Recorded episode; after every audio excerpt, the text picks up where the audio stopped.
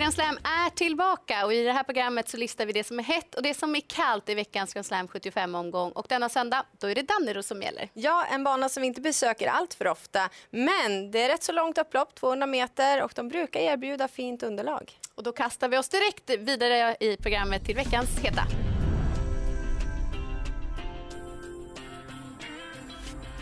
Det är kallblod som är upp i den andra avdelningen och här har jag fastnat för nummer tre, Gulig Orkan, som är inne i en väldigt fin period och visat toppform här i de senaste starterna. För tre starter sedan, ja då var det spets och slut som gällde senast. Ja, då var han fyra i mål, men det var en riktigt stark insats då han var hängandes i spåren sista 1400 meterna av loppet. Han kanske saknar lite av den där toppfarten som några av konkurrenterna har i samma lopp på söndag, men å andra sidan så har han ett bra spår i volten. Han är startsnabb och skulle då Malin Wiklund ta hand om taktpinnen och hålla upp tempot, tempot, ja, då tror jag han kan bli svår för de övriga att plocka ner. Och jag fortsätter med kallbloden, men vi går till den femte avdelningen där jag fastnat för nummer sju, Norrlandsjärven, som kommer med två fina andra platser i ryggen. Och senast, ja då hade han nog bärgat segern om det inte var en galopp som ställde till det under vägen. Han är inte att lita på, men kapacitet finns och nu blir det återigen Mats E. Djuse i sulken. Och han har kört honom tre gånger tidigare. Det har resulterat i två segrar. Och går vi till den sjätte avdelningen så är nummer nio Olivia Seo verkligen hästen i loppet.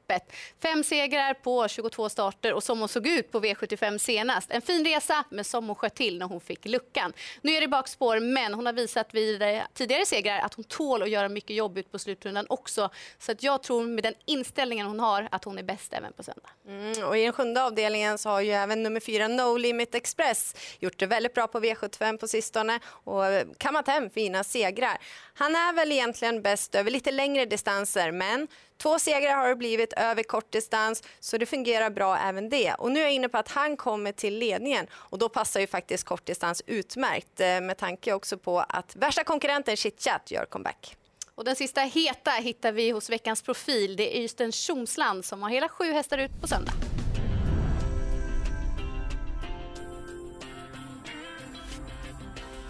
Och med oss på telefon har vi nu Jimmy Jonsson som ansvarar för Östernsundslands filial här i Sverige. Är du med oss? Jajamän. Hur mår du för dagen?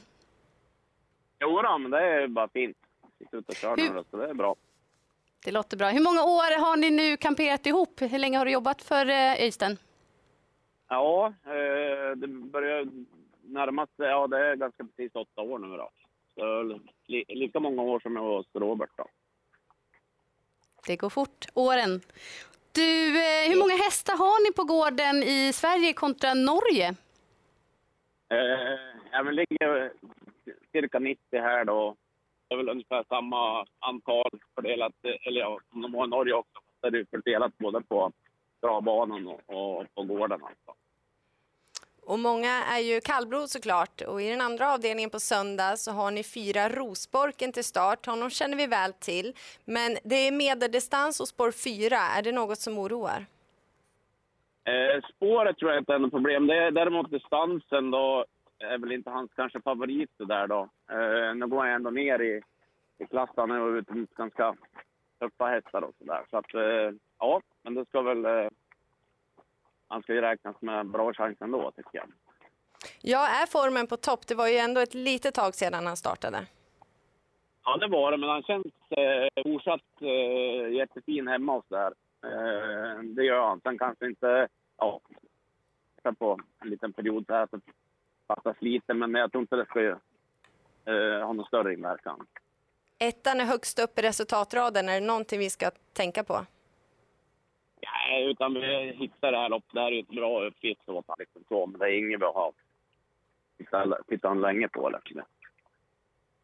Då går vi vidare till den tredje avdelningen där den har en duo ut. Det är tre Everloving som jag har hört att ni har stora förhoppningar på och sen nummer fyra Lindy Pop. Vad har du att säga kring eh, de två hästarna? Ja, Everloving eh, eh, känns ju fortsatt fint där hemma. Och det var lite, ja, det var lite tråkigt med galoppen på Solvalla eh, senast. Då. Men han är ju...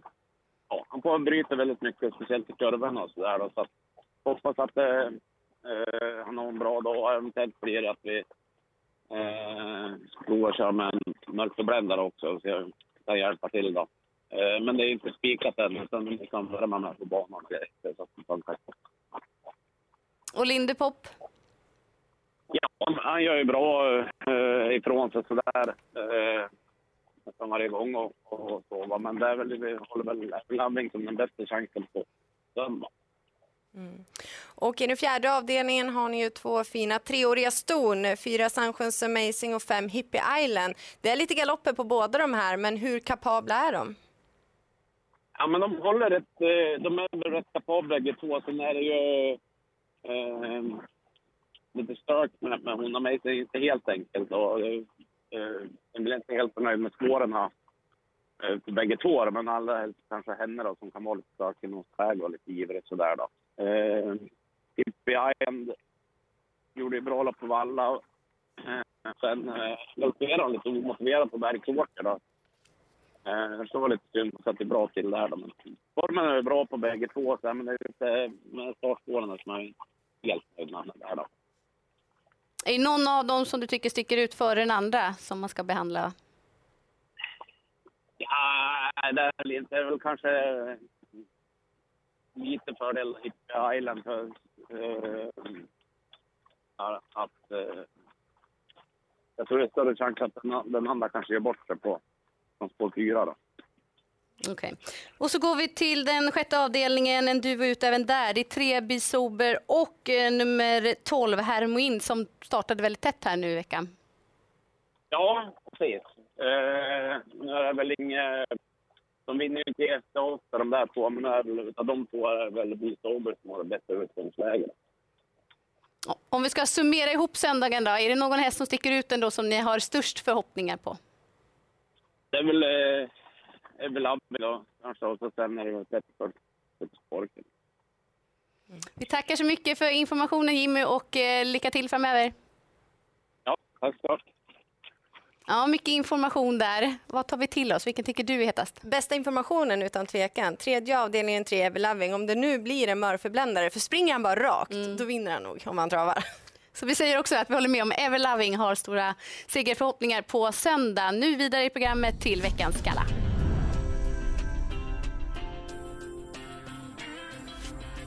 I den tredje avdelningen så är nummer 9 GK Talisman under fin utveckling och kommer med snygg resultatrad. Men båda hans segrar är tagna från ledningen och nu startar han från bakspår vilket drar ner chanserna. Och går vi till den fjärde avdelningen så har nummer 8 Dry Martini Grew bäst segerprocent i loppet och det vankar spännande förändringar när det kommer till hennes utrustning.